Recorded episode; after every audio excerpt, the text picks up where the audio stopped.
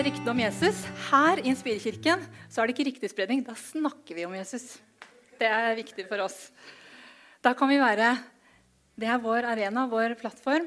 Og da ønsker vi at Jesus skal være den røde tråden i alt vi gjør, alt vi sier og alt vi handler på. At han skal være i sentrum i våre hjerter og i vår by, som det er vår heading her. Vi skal få møte, jeg skal lese snart, eh, en som har hørt ryktene om Jesus. I forkant av fortellingen kommer det løpende en synagogeforstander som heter Jairus, som også har hørt ryktene om Jesus, at det har skjedd et mirakel på andre siden. En splitter pine gal mann har kommet til sans og samling, og folk er jo livredde. Så han løper, er i krise sjøl. Dattera holder på å dø. Han trenger Jesus og drar til seg Jesus. Men vår historie i dag er om hun kvinnen. Det kommer snart. Forrige gang så snakka jeg om Sakkeus. At han var en mann som så på Jesus fra avstand. Og hvor radikal Jesus var i møte med Sakkeus. Hvor radikal Jesus er i forhold til andre religiøse ledere. Og hvor utrolig sprengkraft det er i evangeliet i forhold til det religiøse som vil tre ned krav, bud og regler og tynge menneskene. Så kom Jesus inn og ble sendt fra himmelen til jorden til oss.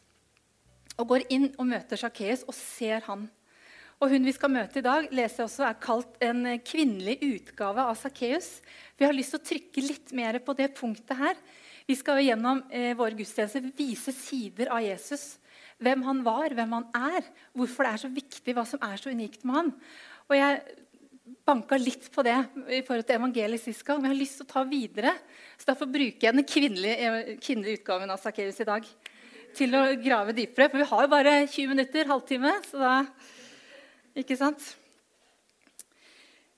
Hun ventet til Jesus gikk forbi, og så strakk hun seg ut mot han. Nå skal vi høre hva som skjer. Det er Lukas 8, vers 43-48. Det var en kvinne der som hadde hatt blødninger i tolv år. Alt hun eide, hadde hun brukt til leger. Men ingen hadde klart å gjøre henne frisk.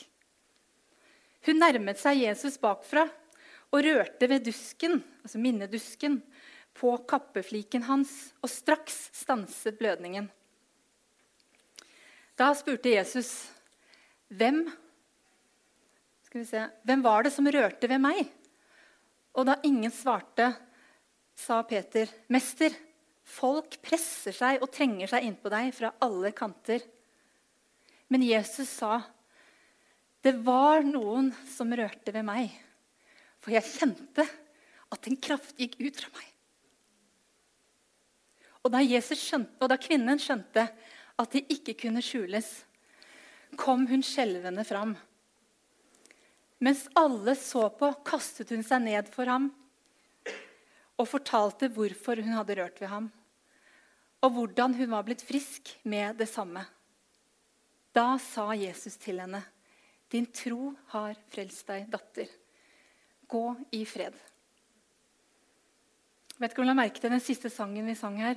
Strekk hender ut og rør ved ham. Rør ved Jesus, rør ved ham. Hun rørte ved ytterkanten av klærne hans. Og I både Matteus og Markus så står det at hun rørte ved noe som kalles minnedusken. Som er noe alle jødiske menn bar, og sikkert en del i dag også. Eh, og den skulle minne om Guds ord, Guds bud og Guds løfter. Litt som jeg liksom tok i starten her. I hverdagen så flagrer da disse her. Og så Å ja, der kom den munnidusken. Nå skal jeg vise bildet her. Der kom den. Å ja, Guds, ja, det Guds lover, bud Ja, det, det, det, er sånn jeg tenker, da. Det er sikkert ikke det. det er sikkert litt mer, Men at det skulle liksom in your face minne på eh, hva Gud hadde, Gud hadde sagt, og hvilke lover han hadde gitt.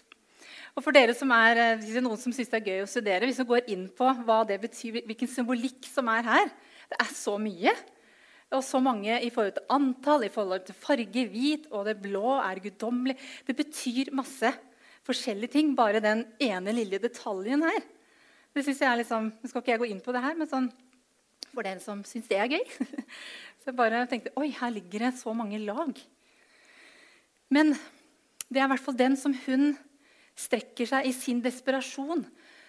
Litt sånn her. Og inni mitt hode så tenker jeg at, at hun tenkte at da trenger jeg jo ikke å komme borti.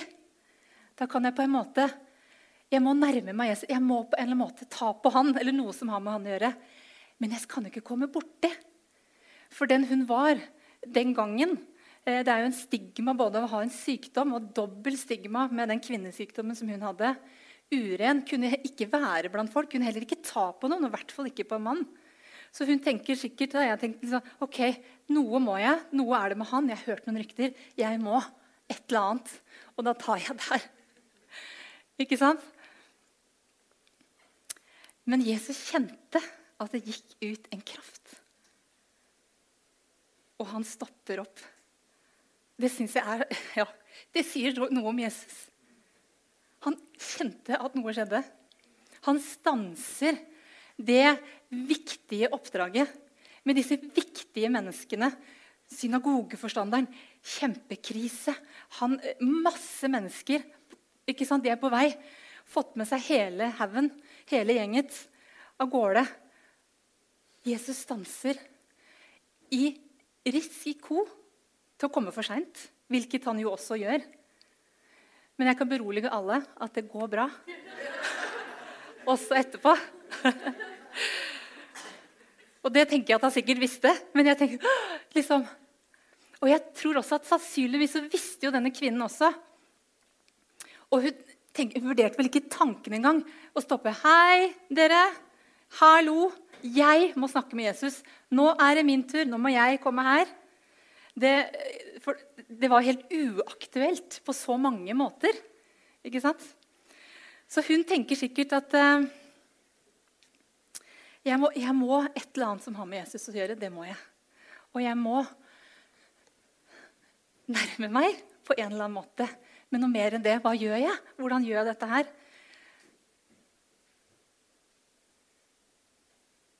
Men hun møter han ikke, hun stopper han ikke. Hun venter til han går forbi, spør ikke om hjelp. Så han ikke skal se henne, ikke merke henne. Kanskje tenkte at hvis jeg bare kan bli frisk og røre ved kappen Jeg skal ikke være til bry. Jeg skal leve et stille liv i skyggen her. Være på sida, i ytterkanten. Jeg vil heller synke i jorda enn å bli oppdaga av hva jeg gjør nå. At jeg hele tida nærmer meg en hellig mann. For hva skal jeg si? Hvordan skal jeg oppføre meg? Hva vil folk si? Hun visste bare at jeg burde ikke vært her. Og jeg burde heller ikke kommet i nærheten av noen. Så kan vi tenke oss det sjokket når hun skjønner at Jesus har merka det. Bare. Det er ikke mulig. Det er ikke mulig. For et sjokkøyeblikk i hennes liv. Etter tolv år i ytterkant, etter tolv år i utenforskap jeg tenker kanskje Et helt voksent liv for henne. Et utenforskap på så mange plan. Sosialt, i samfunnet. Sikkert kanskje med familieliv også. Da kunne du ikke ha en normal familie. For det var regna som ureint. Ikke vet vi. Men et liv totalt på utsida. Og på ett øyeblikk, et Kairos-øyeblikk, er det ikke man kaller det, når tiden på en måte jo, griper inn og endrer noe, så skjer det noe. Plutselig så var hun dratt inn i sentrum. Inn i midtpunktet, foran alle disse menneskene. Jeg skjønner at du blir skjelven. At du bare tenker For alle som liker seg best i bakgrunnen, som sikkert hun har vent seg godt til å være, så kan vi forestille oss hvordan det måtte være. Og jeg kan spørre oss, tenker, hvorfor, hvorfor gjorde Jesus det? Han måtte vite at det her er ekstremt ubehagelig. Hvorfor? Kunne ikke, Kunne ikke heller hun få være i fred og så stille glede seg over helbredelsen? For da var hun blitt frisk. Var ikke det greit? Hvorfor stopper Jesus opp og spør etter henne? Han ser jo at hun er livredd.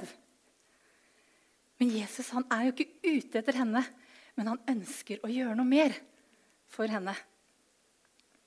Som Sakkeus, som heller ikke tenkte at han kunne nærme seg, som vi finner en voksen mann sittende i et tre. Ganske spesielt så kommer Jesus, inviterer 'Jeg blir med deg hjem'. Det samme skjer med denne kvinnen. Jesus inviterer inn i fellesskapet. Inn i sentrum igjen. For Jesus, han vil møte henne forfra. Jesus ønsker å se henne, se deg, se de som strekker seg ut mot ham. Han ville ta henne fra ytterkant, fra periferien, inn i midten, inn i sentrum igjen av sitt eget liv. I samfunnet. Sentrum for han. I aksept. Ved det Jesus gjør, så tar han henne inn i aksept foran de menneskene. Til å bli rein, til å bli hel. Det er så mange lag han gjør bare ved det. Og han tenker sikkert, han må bare forestille oss, at det er viktigere. Så får hun heller skjelve litt, for her må vi ta. Her jobber vi, da tar vi alt, som Jesus er. Det går an å røre ved Jesus bakfra. Men det blir ikke et møte uten at Jesus merker det. Og hvis han merker det, så vil han alltid ønske å løfte, alltid ønske å se deg forfra. Ikke bare sånn 'Å ja, ja det er greit. Vi helbreder. Jeg er liksom Han ønsker 'Hvem er du? Hva skjedde? Hva er din lengsel? Hvor er du?' Han ønsker å se deg. Og det syns jeg er så fantastisk. Historie etter historie viser at mennesket Guds sønn som ble menneske, ønsker å se deg forfra. Det er jo egentlig helt sånn, tenker hvis Det er viktig, det, er jo lett å trekke seg når det er i Important People. Så her kommer Guds sønn og ønsker Hvem var det som rørte ved meg? Jeg må se deg. Jeg vil invitere deg inn i fellesskapet, inn i sentrum igjen. Og Han vender sitt ansikt mot kvinnen og sier, 'Din tro har frelst deg, datter.' Og det samme sier han til Sakkeus. I dag er frelse kommet til dette hus, for også han er en Abrahams sønn. Og Jesus sa, for menneskesønnen er kommet for å lete etter de bortkomne og berge dem. Og jeg tenker Det er mange måter å være bortkommen på. Den gangen var det mer tydelige stigmaer i forhold til innenfor og utenfor sykdom eller ting. Jeg tenker Det er mange måter i dag, om ikke det er synlig, men å være bortkommen på. Og jeg tenker det er mange måter å blø på som ikke syns. Og jeg tror mange kan kjenne på den ytterkantfølelsen. Kjent på den følelsen at det, her drar folk av gårde til et spennende sted. Det er ikke for meg. Ting skjer uten at jeg er en del av det. Det er ikke for meg. Andre er mye viktigere. Dattera til synagogeforstanderen mye viktigere enn meg. Så jeg står i ytterkant. Og det er på den veien som Jesus kommer inn og stopper og sier, 'Jeg kjenner at du strekker din hånd.' Når ingen andre ser, så kjenner jeg at du strekker ut noe, en lengsel eller noe etter meg. Og jeg kjenner det. For det skjer noe med han. Det skjer noe med Jesus. Det går en kraft ut.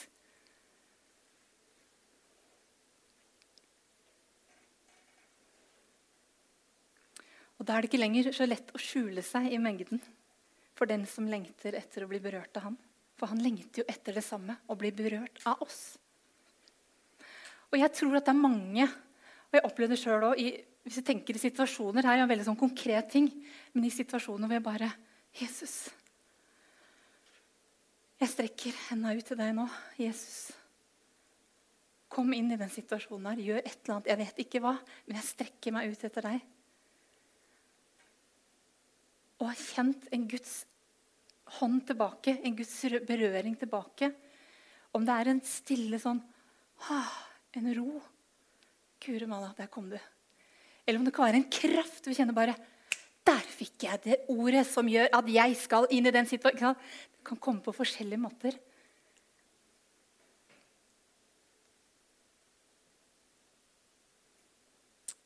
Og Jesus uh, sier i The Messages-utgaven Daughter, you took a risk trusting me. And now you are healed and whole. Live well, live blessed. Du tok en sjanse, en risiko, å stole på meg. Og nå er du helbredet og hel. Lev vel. Vær velsignet. Og jeg tror at det er en tid hvor vi ikke skal holde oss i skjul i en ytterkant. Og da tenker jeg både som enkeltpersoner, men også som kirke.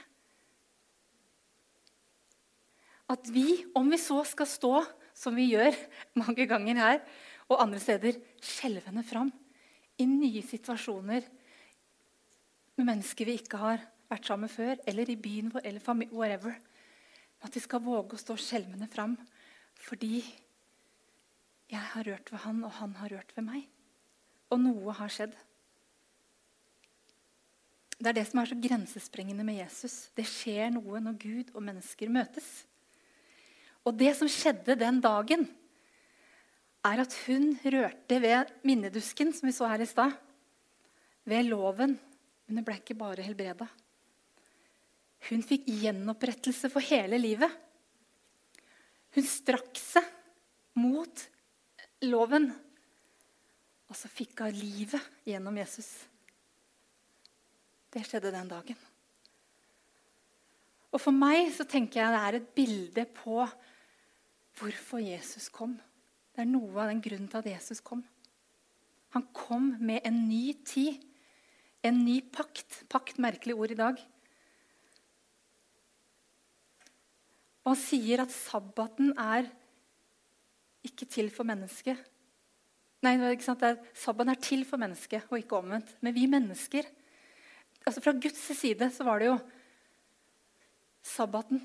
Slapp av, hvile så satte han noen sånne gode rammer og lover rundt det. Så kommer vi menneskene. Vi tar på litt til. Vi må passe på litt til. Vi må, ikke sant? Og kjøre på. Til slutt så var det så mye rovler og regler at sabbaten var jo et eneste stort slitt av lover og regler. Men det var ikke sånn det var ment. Og pakten som Gud hadde fra starten av med Israel-folket til ti bud bl.a. Gode regler. Dette er veien. Gå på den.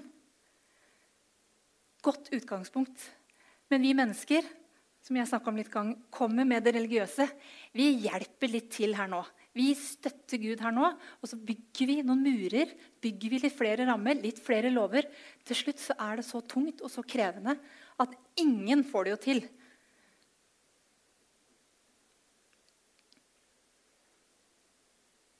En veldig anstrengende gjerningsreligion.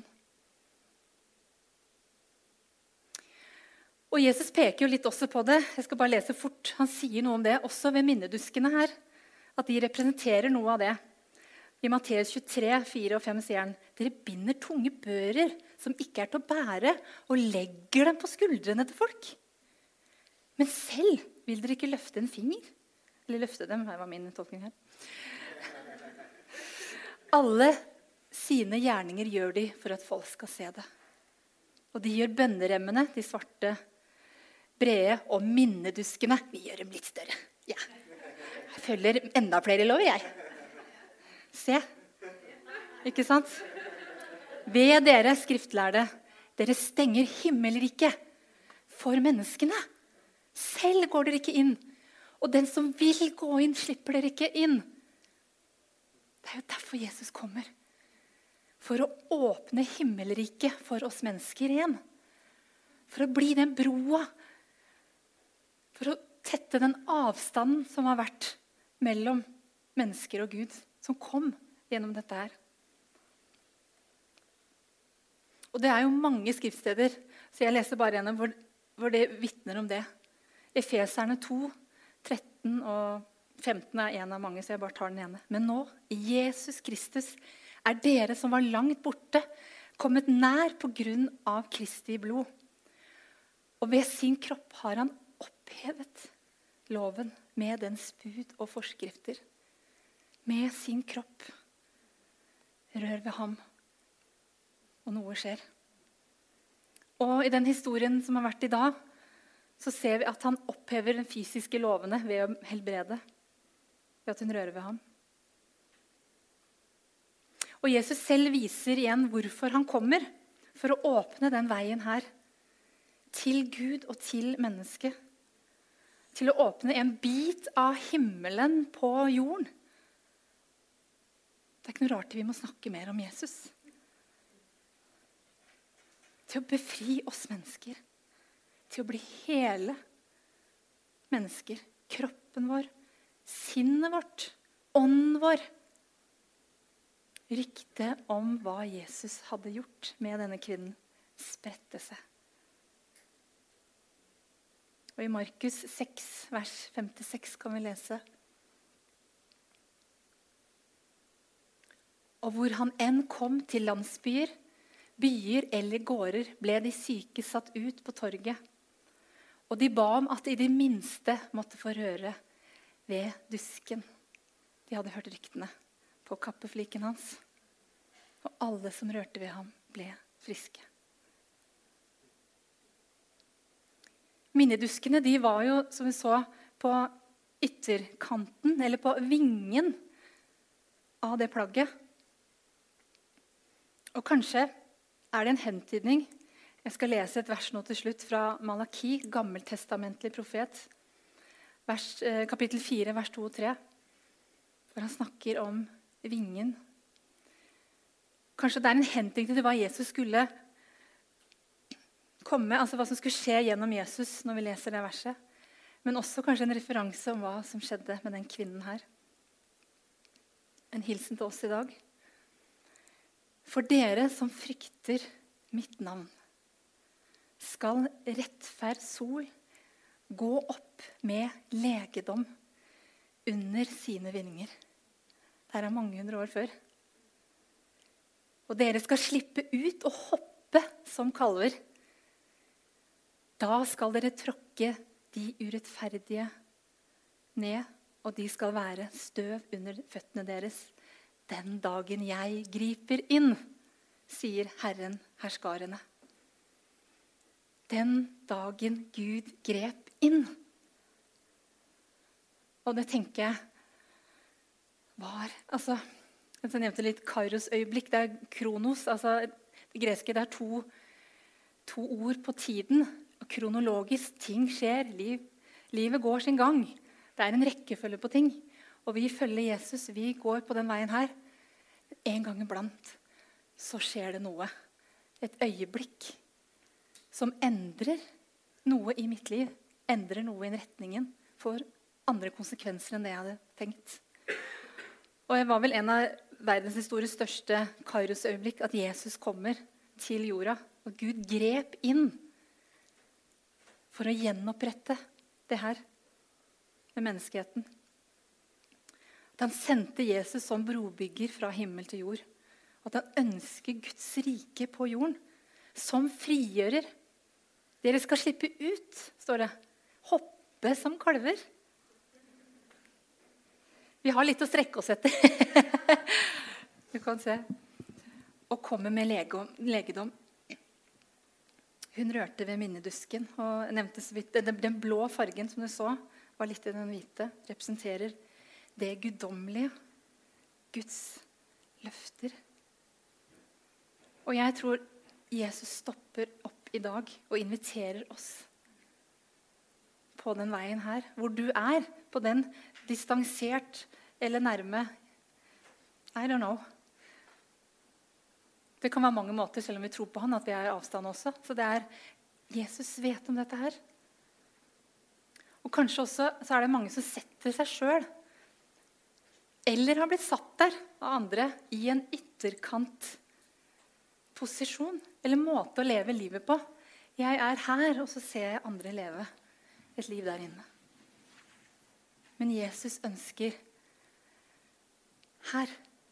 Her ønsker han deg. Inn i sentrum av ditt eget liv, inn i sentrum sammen med han. Han ønsker å være i sentrum i våre liv og møte oss forfra leve i våre hjerter. Så at Guds rike kan bli synlig i vår by, i vårt liv, med de menneskene vi er sammen med.